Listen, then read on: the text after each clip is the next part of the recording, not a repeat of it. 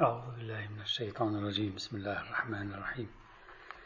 الحمد لله رب العالمين والصلاة والسلام على سيدنا ونبينا محمد وعلى آله الطاهرين.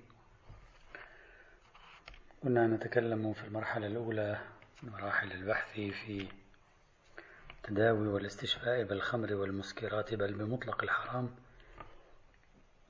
وقلنا في هذه المرحلة نستعرض الروايات الأساسية. بعد أن تكلمنا عن مقتضى القاعدة نستعرض الروايات الأساسية ونحللها تجزئيا سندا ودلالة. ثم بعد ذلك نتوقف عند التحليلات الكلية لمجموع الروايات. وصلنا إلى الرواية الثانية عشرة. معتبرة معاوية بن عمار. قال سأل رجل أبا عبد الله عليه السلام عن دواء عجن بالخمر نكتحل منها. فقال أبو عبد الله عليه السلام ما جعل الله فيما حرم شفاء؟ وفي نسخة أخرى في موضع آخر ما جعل الله في محرم شفاء؟ هذه الرواية تشبه الرواية الأولى التي تقدمت معنا خبر عمر بن أذينة في أنها تطبق عنوان نفي الشفاء عن كل ما حرم الله حتى ولو كان بغير الأكل. كما قلنا سابقا كما قلنا سابقا. يعني هذا المحرم ليس فيه شفاء. ما لم نفهم كلمة محرم هنا يعني استخدامه يعني استخدامه محرم لكن قلنا أن الظاهر أن النظر إلى نفس العين. سوف يأتي مزيد تعليق على هذه الرواية فيما يخص موضوع النقد المتني لبعض الروايات في المقام. وأن هذا الحديث كغيره ربما ينبغي أن نتوقف فيه حتى لو صح سندا. بل هذه الرواية تعارض خبر سماعة بن مهران الذي تقدم معنا لأن خبر سماعة بن مهران رخص في الشرب في شرب الإنسان لبوله عند الضرورة حيث لا يجد دواء آخر. والمفروض أن شرب البول حرام. فخبر سماعة بن مهران يرخص في شرب أمر حرام عند الضرورة وهذه الرواية هنا تقول ما جعل الله فيما حرم شفاء. فكيف رخصت هناك؟ والمفروض أنه ليس فيه شفاء. فما هو مبرر الترخيص؟ إذا ثمة تعارض ما بعد البناء على حرمة شرب البول ثم تعارض ما ما بين معتبرة معاوية بن عمار هذه وأمثالها وما بين آه، خبر سماعة بن مهران. الرواية الثالثة عشر. خبر ابن أبي يعفور قال كان إذا أصابته هذه الأرواح فإذا اشتدت به شرب الحسو من النبيذ فسكن عنه. فدخل على أبي عبد الله عليه السلام فأخبره بوجعه وأنه إذا شرب الحسو من النبيذ سكن عنه. مرت معنا إذا تذكرون هذه الرواية في بحث النبيذ. فقال له لا تشربه. فلما أن رجع إلى الكوفة هاج وجعه فأقبل أهله فلم يزالوا به حتى شرب. فساعة شرب منه سكن عنه. فعاد إلى أبي عبد الله عليه السلام فأخبره بوجعه وشربه. قال له يا ابن أبي يعفور لا تشربه فإنه حرام. إنما هذا شيطان موكل أو موكل بك فلو قد يئس منك ذهب.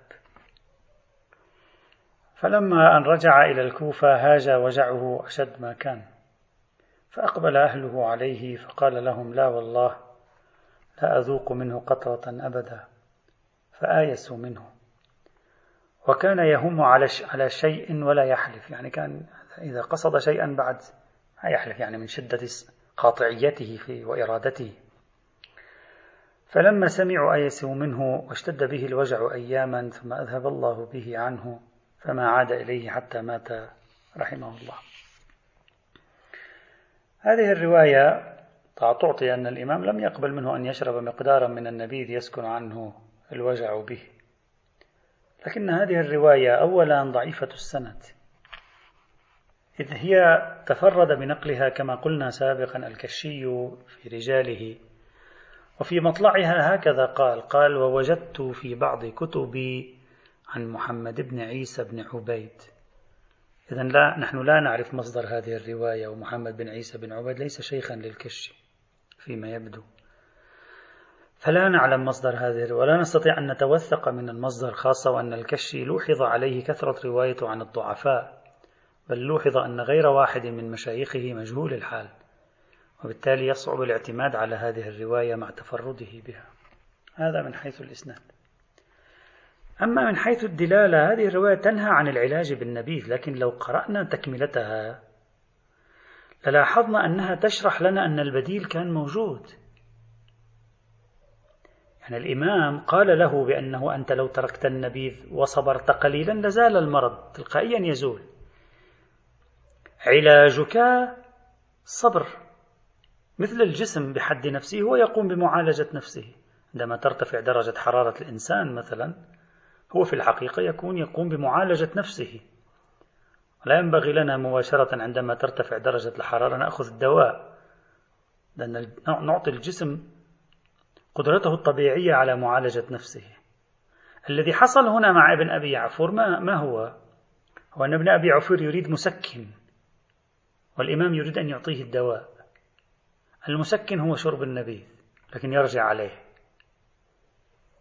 الدواء هو أن تترك جسدك بضعة أيام سترى أنه سيزول. إذا هنا لا يوجد عندنا انحصار العلاج بالنبيذ. فضلا عن أنه مجرد مسكن لا ينحصر العلاج به. ففرض الاضطرار غير معلوم هنا. لا ليس عندنا لا فرض اضطرار لا غير ذلك. أصلا فرضه أن علاجه هو أن لا يشرب أصلا. بل بالعكس النبيذ صار مجرد مسكن. تركه مع بعض المعاناة هو العلاج من المرض. فالرواية لا تدل على ما نحن فيه من صورة انحصار العلاج بالنبيذ المحرم. هذه الرواية الثالثة عشر. إذا لا من حيث الإسناد هي بالتي يمكن الاستناد إليها لا من حيث الدلالة هم أيضا واضحة في الشمول لمورد بحثنا. الرواية الرابعة عشر. مرسل مروك بن عبيد. عن أبي عبد الله عليه السلام قال من اكتحل بميل من مسكر كحله الله عز وجل بميل من نار. الاكتحال بالمسكر لا يجوز. هذه الرواية تارة نفهمها مطلقة وأخرى نفهمها في سياق علاج. إذا فهمناها مطلقة يعني لا يجوز الإنسان يكتحل بالمسكرات. ما في مريض ما قال في شخص مريض أصلا. إذا فهمناها مطلقة تفيد أنه حرام الاكتحال بالمسكر. كحكم أولي. هي لا تتكلم عن صورة العلاج لا تتكلم عن صورة اضطرار لا تتكلم عن شيء حرام. مثل مثل أي حكم أولي شرعي لا يجوز الاكتحال بمسكر. ممتاز. فتقيد مثل أي محرم أولي تقيد بأدلة نفي الضرر نفي العسر نفي الحرج نفي الاضطرار. وبالتالي هذه الرواية لا تكون مؤثرة في بحثنا إطلاقا. مثل ما يقول مثلا يحرم شرب مثلا يحرم أكل آه، لحم السباع. وتبين حكم أولي. نخرج عنها بأدلة نفي الضرر والعسر والحرج والاضطرار وما شابه ذلك. هذا إذا كانت الرواية مطلقة تكلم عن أصل هذا الموضوع. أما إذا فهمنا هذه الرواية في سياق قضية العلاج. كيف؟ لماذا ينبغي أن نفهمها هكذا؟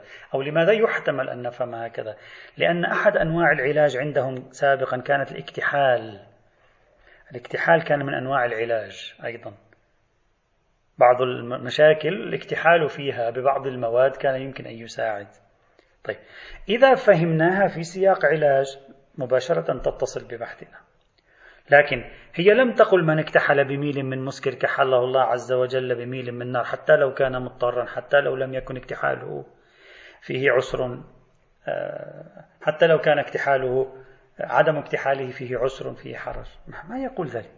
فتكون قابلة للتقييد بغير حال الانحصار والاضطرار. هي مطلقة لحال العلاج. العلاج كما قلنا والتداوي أعم من الانحصار وغيره أعم من الاضطرار وغيره. ففي مثل هذه الحال نقيدها بأدلة نفي الضرر والعسر والحرج والاضطرار. فيصبح الحكم هكذا لا يجوز التداوي بالاكتحال بمسكر إلا في حال الضرر أو العسر أو الحرج أو الاضطرار تمسكا بالقواعد الثانوية تنحل المشكلة. إلا إذا قيل بأن الحديث هنا عن مورد التداوي مباشرة ولا إشارة للتفسير بالاضطرار وغيره وهذا شاهد الإطلاق مثلا. أضف إلى ذلك. هذه تحرم استعمال المسكر في غير الشرب. يعني تقول حتى لو تكتحل أصلا تستعمل المسكر في غير الشرب مع أنه لم يرد فيه تحريم. ولم تشر إلى أنك تشعر بطعمه في, في, في بلعومك. يعني لا تشعر إلى مسألة البلعوم والطعم. غاية ما في الأمر هنا أنه الإنسان ينجس نفسه ينجس بدنه بالمسكر يطهره لأجل الصلاة بناء على نجاسة المسكر. حتى لو غضضنا الطرف واعتبرنا هذه الرواية بنفسها دليلا على حرمة وضع المسكر على الجسد يصعب الاحتجاج بها لوحدها لأنها مرسلة مضافا إلى أنها معارضة بخبر هارون بن حمزة الآتي الذي سنقرأه الآن بعد قليل فإن خبر هارون بن حمزة صريح في الجواز في مورد الاضطرار بينما هذه الرواية مطلقة لمورد الاضطرار ولغيره فيكون خبر هارون بن حمزة صالحا لتقييدها حينئذ. الرواية الخامسة عشر. خبر هارون بن حمزة الغنوي عن أبي عبد الله عليه السلام في رجل اشتكى عينيه فنعت له كحل يعجن بالخمر فقال هو خبيث بمنزلة الميتة فإن كان مضطرا فليكتحل به. الرواية واضحة في الترخيص في حال الاضطرار كما قلنا. غير حال الاضطرار حتى غير حال الاضطرار ليست واضحة في الحرمة. خبيث بمنزلة الميتة. يعني أمر وين وخبيث يريد أن يقول هو أصلا في حد نفسه خبيث. بمنزلة الميتة يعني ولا يجوز شربه. ما الميتة لا يجوز وضعها على البدن. لا أحد يقول الميتة لا يجوز وضعها على البدن. فتفيد نوع من التنزه الشديد في هذا الأمر. حتى لو أفادت التحريم فهي تقول حينئذ بأنه في حال الاضطرار يجوز. وإذا لم تفد التحريم تقول هذه الحزازة ترفع حال الاضطرار. هذا والرواية ضعيفة السند بيزيد بن إسحاق الملقب بشعر. الرواية السادسة عشر. خبر ابن الحر الذي تقدم معنا في بحث الأنبذة حينما دخل على إسماعيل بن الصادق عليه السلام وأراد أن يصف له الدواء فقال إسماعيل النبيذ حرام وإن أهل بيت لا نستشفي بالحرام. رواية تقدمت الإشارة إليها. غايتها أنهم لا يستشفون بالحرام لا أن الاستشفاء بالحرام حرام مطلقا. هم لا يستشفون. أما هل هم لا يستشفون لأنه حرام مطلقا؟ ما واضح. فالرواية غير تامة. الرواية السابعة عشرة مرسل الدعائم عن رسول الله صلى الله عليه وعلى آله وسلم. أنه نهى أن يتعالج بالخمر والمسكر وأن تسقى الأطفال والبهائم. نهى الرسول أن يتعالج بالخمر والمسكر ونهى أن نسقي الأطفال الخمر والمسكر ونسقيهم نسقيها أيضا للبهائم. الخبر مرسل وليس بعيدا أن يكون هذا الخبر خلاصة لبعض الأخبار في الباب أيضا. اختصار يعني ليس خبرا جديدا. الرواية الثامنة عشرة. مرسل الدعائم الآخر عن الصادق عليه السلام أنه قال لا يتداوى بالخمر ولا المسكر ولا تمتشط النساء به. فقد أخبرني أبي عن أبيه عن جده أن عليا صلوات الله عليه وعلى الأئمة من ذريته. قال إن الله لم يجعل في رجس حرمه شفاء. هذه الرواية لا سند لها ومن حيث المضمون تشبه الرواية الأولى وأمثالها في أن الله لم يجعل في رجس محرم شفاء. سيأتي بحثه قريبا. ونقده. الرواية التاسعة عشر. خبر أم سلمة. وأيضا ورد هذا الخبر تحت عنوان خبر أبي وائل. وهذا خبر سني ورد في المصادر السنية الفقهية والحديثية. عن النبي صلى الله عليه وعلى آله وسلم أنه قال إن الله لم يجعل شفاء أمتي فيما حرم عليها. أو إن الله لم يجعل شفاءكم في حرام. بعضهم حمل هذا الحديث على حالة الاختيار دون الاضطرار. بعضهم ضعف سند هذا الحديث بعضهم صحح سنده. لكن هنا لا ينبغي أن نتكلم عن حالة اختيار واضطرار. الحديث لا يتكلم عن حكم شرعي. الحديث ظاهره إخباري. لم يجعل شفاء أمتي فيما حرم عليها. ظاهره الإخبار. وإخباره مناقض للواقع كما تقدم وسيأتي. فإما يطرح هذا الخبر أو يرد علمه إلى أهله. ربما أقول ربما يحمل هذا الخبر على التشريع بقرينة أمتي لم يجعل شفاء أمتي. يكون هذا قرينة التشريع. إذا كان كذلك فيكون الخبر عاما لا يجوز التشافي بالحرام. خرجنا عن عمومه وإطلاقه بأدلة نفي الإضطرار ونفي الضرر ونفي العسر والحرج تنحل المشكلة. فلا يجوز التداوي إلا إذا تحققت العناوين الثانوية الموجبة لرفع الأحكام الأولية. بعض الفقهاء حاول يخصص هذا الحديث بالخمر لا بمطلق الحرام. لكن هذا غريب. بصرف النظر عن سياقه العبارة واضحة. لم يجعل شفاءكم في حرام. لم يجعل شفاء أمتي فيما حرم عليها. هذا لا موجب للتخصيص حينئذ. الكلام في قاعدة عامة وسيأتي التحليل متنها إن شاء الله. الرواية العشرون ما قبل الأخيرة. أيضا رواية وردت في المصادر السنية وهي خبر أم الدرداء عن أبي الدرداء عن النبي صلى الله عليه وعلى آله وسلم أنه قال إن الله خلق الداء والدواء فتداووا ولا تتداووا بحرام. هذا هذا حمل هذا الحديث على خصوص الخمر أو على حال عدم الاضطرار. ليش حملوه على الخمر؟ لأنهم جمعوا بينه وبين آه، قصة شرب بول الإبل. في قضية العرنيين أو بني ضبة إذا تذكرون. يعني حاولوا أن يجمعوا بينه وبينه هذا الحديث ليس إخبارا عن الواقع. لا يقول لا, لا يوجد دواء في حرام. حكم لا تتداووا بحرام. وهو مطلق. فلزم أن نقيده بصورة الاضطرار والضرر والحرج. فنقول لا يجوز التداوي بالحرام إلا إذا لزم من إلا في مورد الاضطرار والضرر والحرج. مثل أي حكم شرعي آخر. وهذه الرواية سندها فيه إسماعيل بن عياش ولم تثبت وثاقته وكذلك في سندها ثعلب بن مسلم ولم تثبت وثاقته. الرواية الواحدة والعشرون والأخيرة أيضا رواية وردت في صحيح مسلم وسنن الترمذي وهي من أهم الروايات التي يستند إليها السنة في هذا الموضوع. خبر علقمة بن وائل عن أبيه أبيه وائل وائل الحضرمي أنه شهد النبي صلى الله عليه وسلم وسأله سويد بن طارق أو طارق بن سويد عن الخمر فنباه يعني نهره فقال إنا لنتداوى بها. فقال رسول الله صلى الله عليه وعلى آله إنها ليست بدواء ولكنها داء.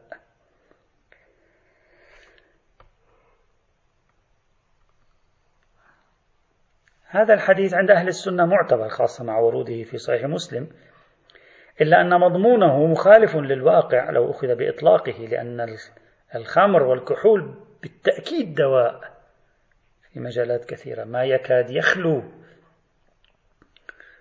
يعني يعني كثير أدوية تقحم فيها هذه المادة. سيأتي الآن بعد قليل.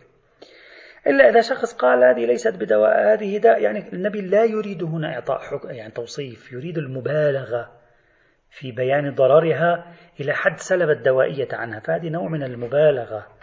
لا أقل ولا أكثر. مبالغة في التحريم فتكون أعم من حال الاضطرار ربما على ضرب من الاعتبار الأدبي. مثلا استخدم هذه التعابير مثلا. هذا الرواية الواحدة والعشرون. طيب. الآن بعد أن انتهينا من سرد هذه الروايات لابد أن نتوقف عند المرحلة الثانية. وهي قراءة عامة وتحليلية لمجموعة نصوص التداوي والاستشفاء بالحرام خمر أو مسكر أو غير خمر ومسكر.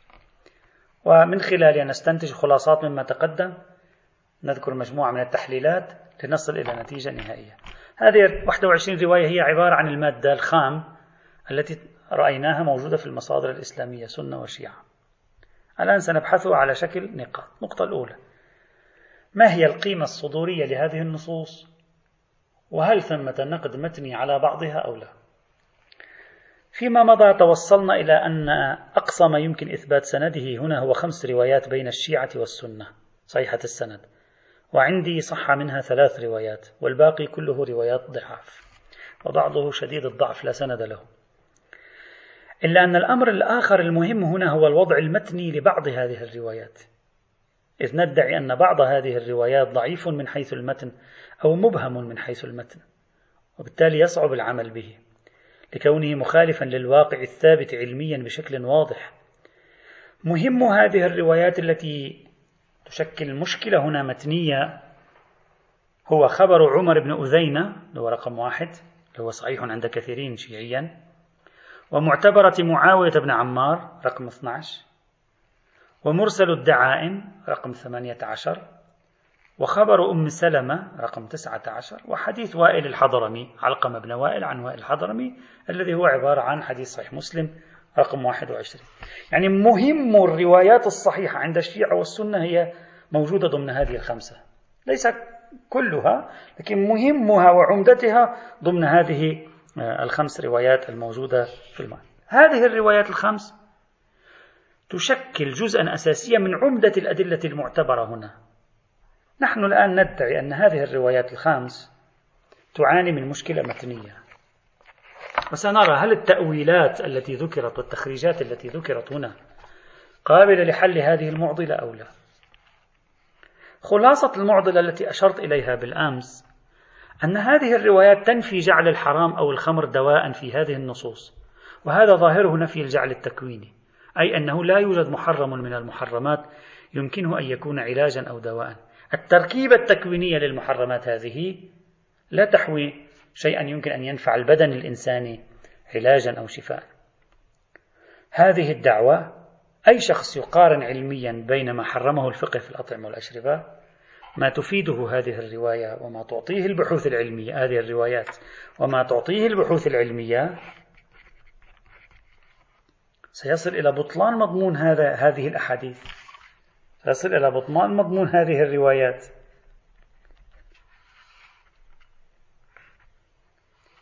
رمز الدواء والصيدلة كما قلت هو الأفعى وسمها وهم يقولون بحرمة الأفاعي وسم الأفاعي. العلم اليوم يستخرج من أكثر المحرمات علاجات وأدوية. لا يقتصر نظر الحديث هنا على أو هذه الأحاديث على العلاج بالأكل والشرب. لا يقتصر نظر هذه الأحاديث على العلاج بالأكل والشرب. بل يشمل حتى العلاج بالإدهان وما شابه. كيف يعقل التصديق بهذه الروايات؟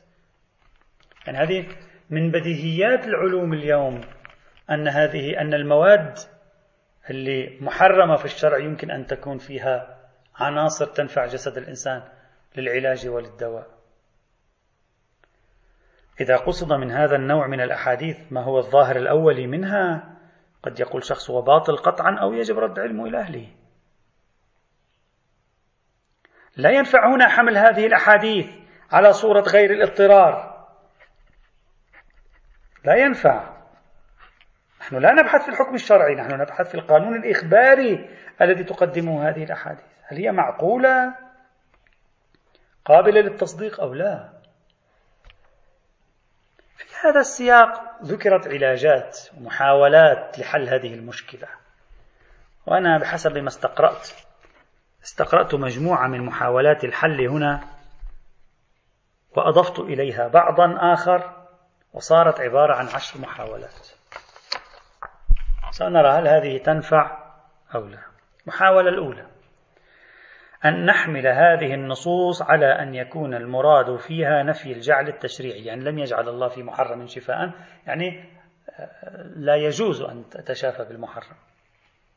يعني لم يجعل الله شرعا رخصة في التداوي بشيء مما حرمه على الناس. ما تتكلم عن الواقع الخارجي. هذا التفسير يحل مشكلة التناقض تناقض الأحاديث مع الحقائق العلمية ويبقى أن نبحث في الإطلاق والتقييد في سورة الاضطرار وإلى آخره. هذه المحاولة التي أشرنا إليها سابقا غير ظاهرة من الأحاديث. الظاهر منها عدم جعل الدوائية فيما حرم.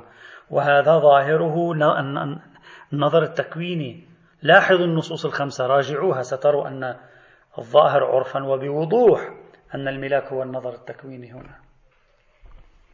المحاولة الثانية ما ذكره بعض المعاصرين وهو الشيخ حسن الجواهري قلنا سابقا بأنه هذه خاصة بزمن النبي. أجبنا عن هذه المحاولة لا أريد أن أعيد. أمس أجبنا. المحاولة الثالثة. أيضا ما ذكره بعض المعاصرين وهو الشيخ الجواهري. من أن نظر هذه الأحاديث إلى استخدام الخمر والحرام للعلاج مع إبقاء هيئة الخمرية عليها. وهذا لا يحصل اليوم في العلاجات والصيدلة. في العلاجات والصيدلة يتم أخذ الدواء الذي فيه الخمر. لا الطبيب يصف الخمر للمريض. هذا التفسير أيضا أشكلنا عليه. قلنا هذه الروايات لا تتحمل هذا التفسير. روايات واضحة أن هذه بذاتها ليس فيها دواء. والمفروض أن هذه فيها دواء. المحاولة الرابعة. أيضا ما يخطر في البال أن المراد من هذه الروايات أن الحرام يمكن العلاج به لكنه يلحق ضررا من جهة ثانية. هذه المحاولة خلاف الظاهر أيضا أشرنا إليها. الظاهر منها نفي العلاج لا تحقق العلاج وظهور داء آخر بسبب هذا العلاج. مثلا الآن الكثير من الأدوية الكيميائية اليوم تترك تأثيرات سلبية في أماكن أخرى ومع ذلك يصدق عرفا أنها تعالج وفيها الشفاء وإن كانت تضر من ناحية أخرى. عرفا لا يقال هذه لا تعالج. إذا المحاولة الرابعة غير دقيقة. المحاولة الخامسة. ما لعله يظهر من ابن العلامة الحلي في كتاب إيضاح الفوائد فخر المحققين في إيضاح الفوائد ونقله أيضا المحقق النراقي. محقق النراقي أقر بأن مفاد هذه النصوص مخالف هذا تعبيره لما يقوله الأطباء الحذاق وتطابقت عليه كلماته. هذا التخريج الذي يذكره المحقق النراقي وكان ذكره قبله ابن العلامة الحلي فخر المحققين حاصله أنه حال الاضطرار يصبح المسكر حلال.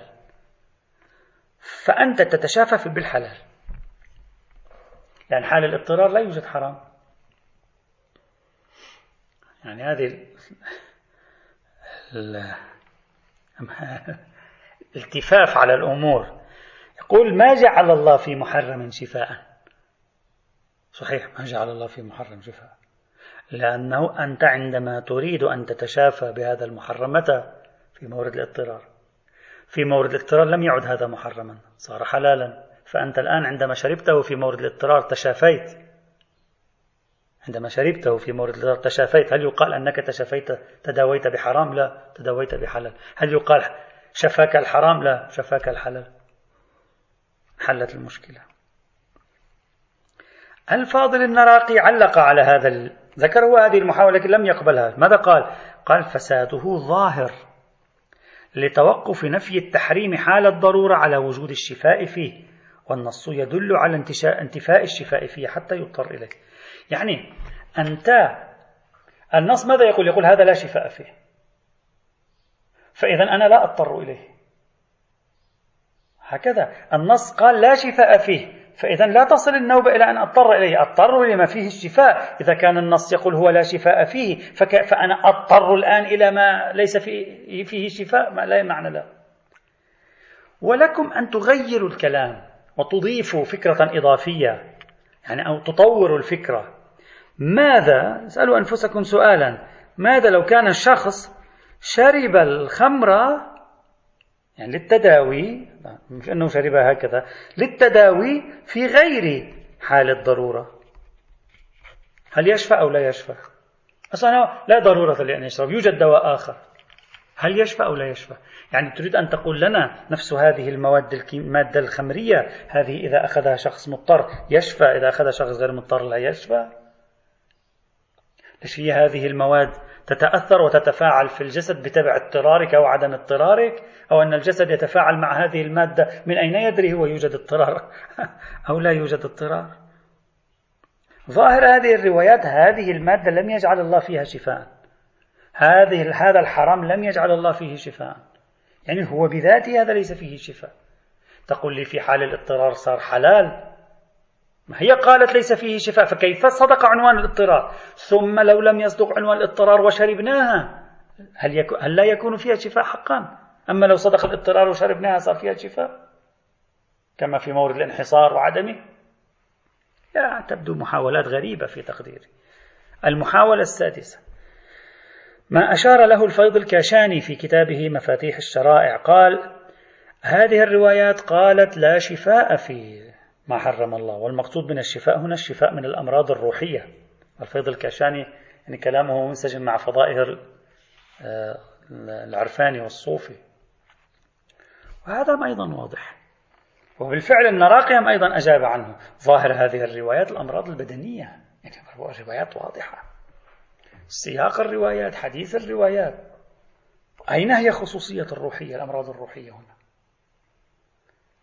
أين هي خصوصية الأمراض الروحية؟ من أين جئت؟ ما هي القرينة على ذلك؟ حتى لو ما في سياقات عندنا أين القرينة على الاختصاص؟ أين القرينة على هذا الاختصاص؟ بالروحيات. إذا هذه أيضا مجرد تكلف لا شاهد له ولا قرينة. كل هذه المحاولات الهدف منها أن لا يهدروا هذه النصوص. المحاولة السابعة. ما ذكره النراقي. قال في مستند الشيعة قال إذا شرب شخص المضطر المريض شرب الخمر يشفى. يشفى لا لأن الخمر شفته بل لأن هناك سبب آخر اتفق تقارنه مع الخمر فأثر في الشفاء.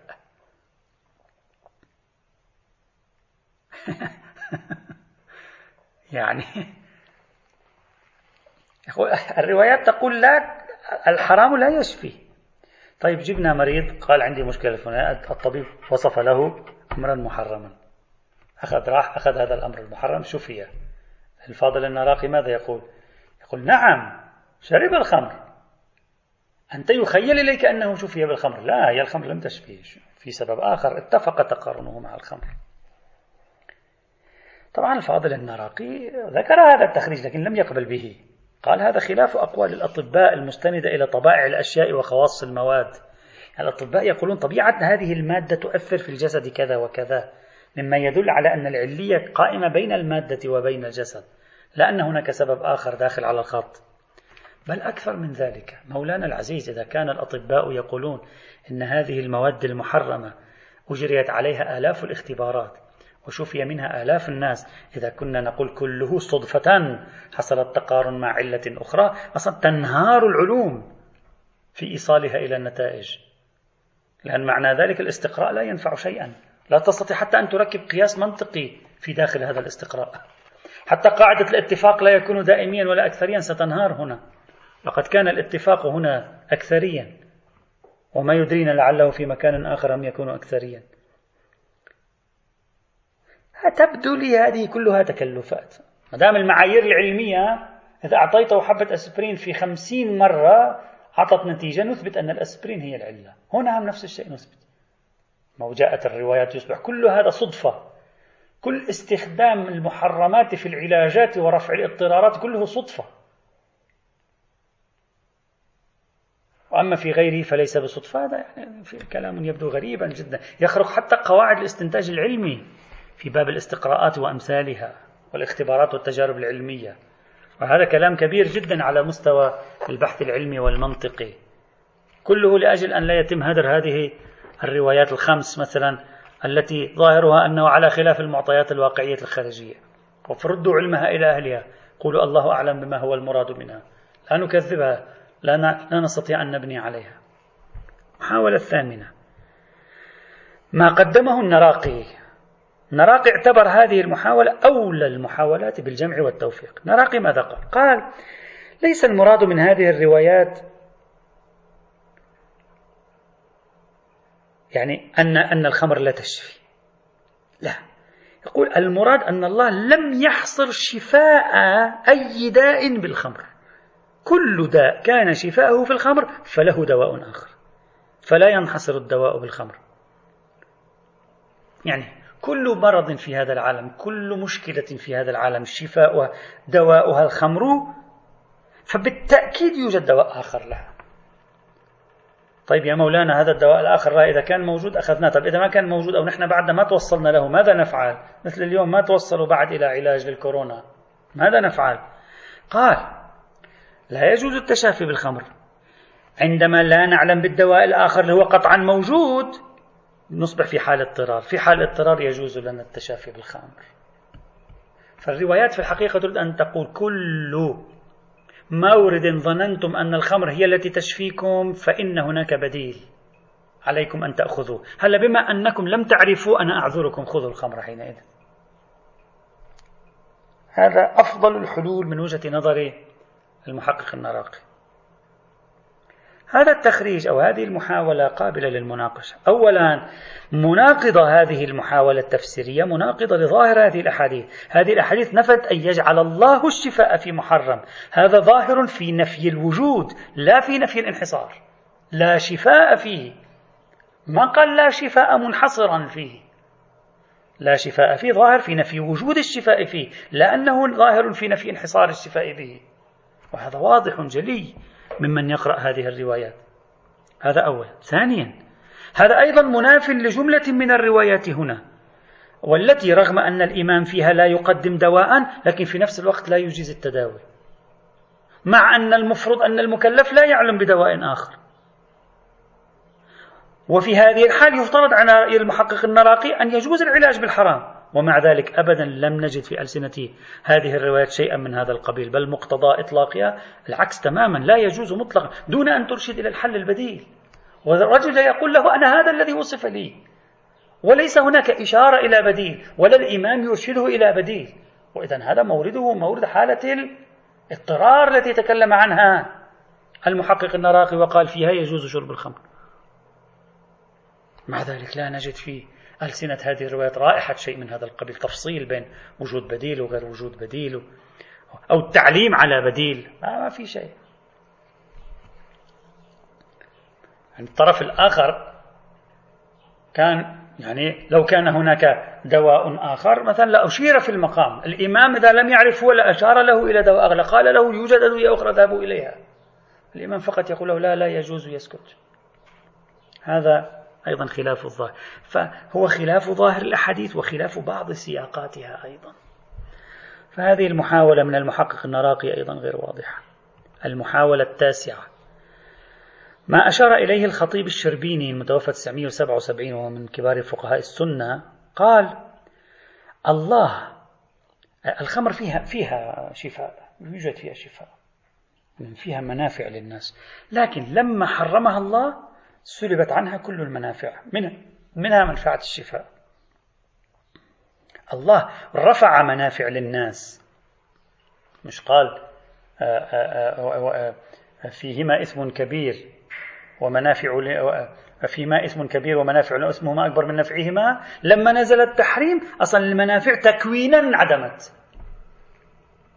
يريد أن يقول منافع الخمر وكون علاج صحيح هذا كان قبل التحريم. بعد التحريم لم يعد يوجد. فما يقال أنه الخمر تعالج إلى آخره هذا قبل تحريم الخمر. بعد تحريم الخمر لا. طبعا هذا الكلام صرف ادعاء في ادعاء بل الواقع الخارجي يكذبه. والبشر لم يظهر عندهم بعد مجيء النبي ونزول القرآن أن عالم الطب والصيدلة حدث تحول جذري فيه فوجئ دفعة واحدة أن المحرمات لم تعد يستخرج منها أدوية. تأويلات في تأويلات هدفها تجنب هدر هذه النصوص. لا أدري عجيب يعني أحيانا نغوص في تأويلات وتكلفات عجيبة غريبة. هل حصل التحول على البنية الطبيعية للخمر بعد نزول التحريم؟ هل العلوم الطبية فقط قبل الإسلام كانت تقول بعد الإسلام سكتت وأعلنت عجزها؟ يعني كل هذا غريب عجيب. يعني هل الطب قبل الإسلام يعلن أنها طبعا ظاهر العرب كانوا يتشافون بها. يعلن أنها آه، تشفي. وفجأة بعد الإسلام يعلن الطب أنها لم تعد تشفي. هذا غريب. على حال المحاولة العاشرة والأخيرة ما أشار إليه غير واحد من فقهاء أهل السنة في محاولة ترجيح ليس جمع ترجيح. قالوا الخمر محرم قطعا. الشفاء بها مظنون لا يترك المقطوع للمظنون. الخمر حرام قطعا. الشفاء من الخمر أمر ظني. فأنا بين حرام قطعي وشفاء ظني لا أرفع اليد عن القطعي بالظني لا أرفع اليد عن التحريم بأمر المظنون وهذا الكلام أيضا باطل. لأن كون ثبوت حرمة الخمر في حال العلاج أمر قطعي غريب. نعم أصل تحريم الخمر ثابت. أما حرمة القطع حال تداوي حرمة القطع لل... حرمة الخمر للعلاج حرمة الخمر في حال العسر والحرج والاضطرار هذه وين قطعي؟ أصلها قطعي إطلاقها لهذه الحال قطعي؟ لا ليس بقطعي. هل هو ثابت بدلالة قطعية؟ فكل أربع خمس روايات عند السنة والشيعة. المقطوع في الخمر أصل حرمة الخمر. أما شمول الحرمة لحال التداوي فهذا أمر غير قطعي. هذا واحد اثنين على المقلب الآخر. الطب والعلوم الصيدلة والعقاقير. أصلا تقول ليس أمرا ظنيا هذا هذا أمر قطعي. أنها يمكن أن يستخرج منها ليس الخمر. المحرمات كلها يمكن أن يستخرج منها علاجات لجملة من الأمراض. وهي داخلة في الكثير الكحول داخلة في الكثير من الأدوية الموجودة في الأسواق. وعليه ما بدا لي بذهني القاصر أن هذه المحاولات العشرة أنا أضفت اثنين أو ثلاث والباقي ذكره بعض المعاصرين ذكره صاحب المفاتيح الفيض الكاشاني ذكره فخر المحققين ذكره المحقق النراقي ذكره الشربين ذكره جمهور فقهاء السنة. مجموع هذه المحاولات في تقديري هذا الذي عثرت عليه تبدو لي غير مقنعة. وبالتالي هذه الروايات الخمس تعاني من مشكلة متنية تفرض إما أن نطرحها جانبا أو نتوقف في أمرها نرد علمها إلى أهلها. وبالتالي يصعب علينا الاستدلال بها هنا. إذا خمس روايات وهي عمدها بما فيها رواية صحيح مسلم عند السنة وهي عمدة. وكل من خبر معاوية بن عمار وعمر بن أذينة وهما عمدة عند الشيعة. هذه ينبغي أن نتوقف عن الاستدلال بها في المقام لأن أمرها والعلم عند الله مبهم لا ندري ماذا تريد. ولعلها تريد ممارسة الاعتبار الأدبي وإن كان هذا الاحتمال أيضا غير واضحين. يعني الاعتبار الأدبي يمكن يجعله الواحد محاولة محاولة أيضا لكنه غير واضح أيضا. وبناء عليه هذه الروايات لم يصح منها سوى خمس روايات على المشهور ثلاثة عندي ومن بينها ثلاث روايات عند المشهور فيها مشكلة متنية. فإذا القوة الصدورية لهذه الروايات بحيث تستطيع أن تحرم علينا التداوي بالخمر في حال الاضطرار وفي حال الضرر وفي حال الحرج ليست واضحة. هذا النقطة الأولى. النقطة الثانية. نسبة هذه النصوص للقواعد الثانوية وإعادة تصنيف هذه البيانات والألسنة تصنيفا جديدا. الآن لاحظنا أن الكثير من روايات هذه الروايات التي قرأناها تشمل حال الاضطرار وعدمه. يمكن أن نقيد النهي فيها بأدلة نفي الضرر والحرج والاضطرار كما هي العادة. الآن نريد أن نعيد آه، آه، تكوين ألسنة وبيانات هذه النصوص بشكل جديد. يمكن أن نلاحظ هنا أن عندنا ثمانية ألسنة. إذا نعيد القراءة. اللسان الأول. ما دل على النهي مطلقا عن التداوي بالحرام. أو عن معالجة بعض الأمراض والعوارض التي لا يظهر منها شيء قريب من الاضطرار ولو العرفي كخبر أبي بصير في قصة أم خالد العبدية رقم اثنين. وخبر علي بن جعفر رقم عشرة. وخبر مروك بن عبيد رقم أربعة عشر. ومرسل الدعائم رقم سبعة عشر. وخبر أبي الدرداء رقم عشرين. هذه تشير إلى النهي مطلقا. يشمل الاضطرار وغير الاضطرار. يشمل العسر غير العسر. يشمل الضرر وغير الضرر.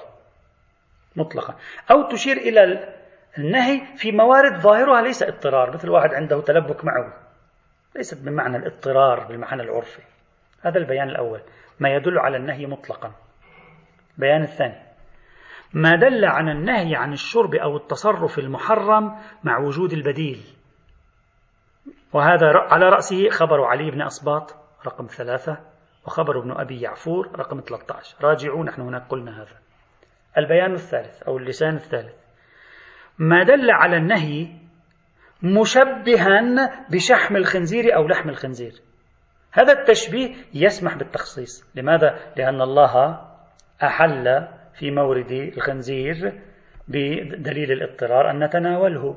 بالقرآن الكريم هذا. فإذا ما دل على تحريم التشافي والتداوي بالمحرم والخمور مشبها ذلك بشحم الخنزير ولحم الخنزير. وإذا كان المشبه به يجوز أن نأخذه في حال الاضطرار إذا فالمشبه هم كذلك. وهذا مثل صحيحة الحلبي رقم أربعة. وكذلك مثله التصريح بالجواز في سورة الاضطرار. في رواية مصرحة بالجواز في سورة الاضطرار وهي خبر سماعة رقم تسعة. البيان الرابع. ما يظهر منه النهي لكن لا يحرز منه التحريم. لسانه غير قوي في إفادة التحريم. وعلى رأسه خبر قايد بن طلحة أو فايد بن طلحة رقم خمسة. وهذا طبعا لا ينفع إلا الكراهة على أبعد تقدير. البيان الخامس. ما ورد التحريم فيه منصبا على عنوان ملتبس كالدواء الخبيث في خبر إسماعيل بن محمد وأبي هريرة رقم سبعة. ما هو الدواء الخبيث؟ لم نعرف. ويحتمل أن رسالة الإمام الرضا إلى المأمون رقم ثمانية. وكذلك خبر أبي بصير رقم تسعة. يمكن أن تكون مندرجة في هذه المجموعة في هذا البيان. البيان السادس.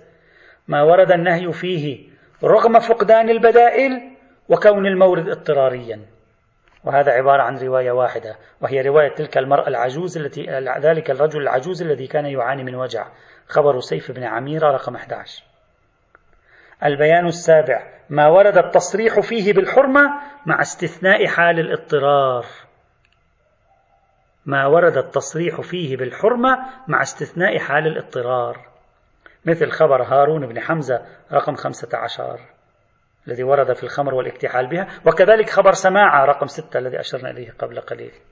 وكذا خبر سماعة رقم ستة الذي أشرنا إليه قبل قليل.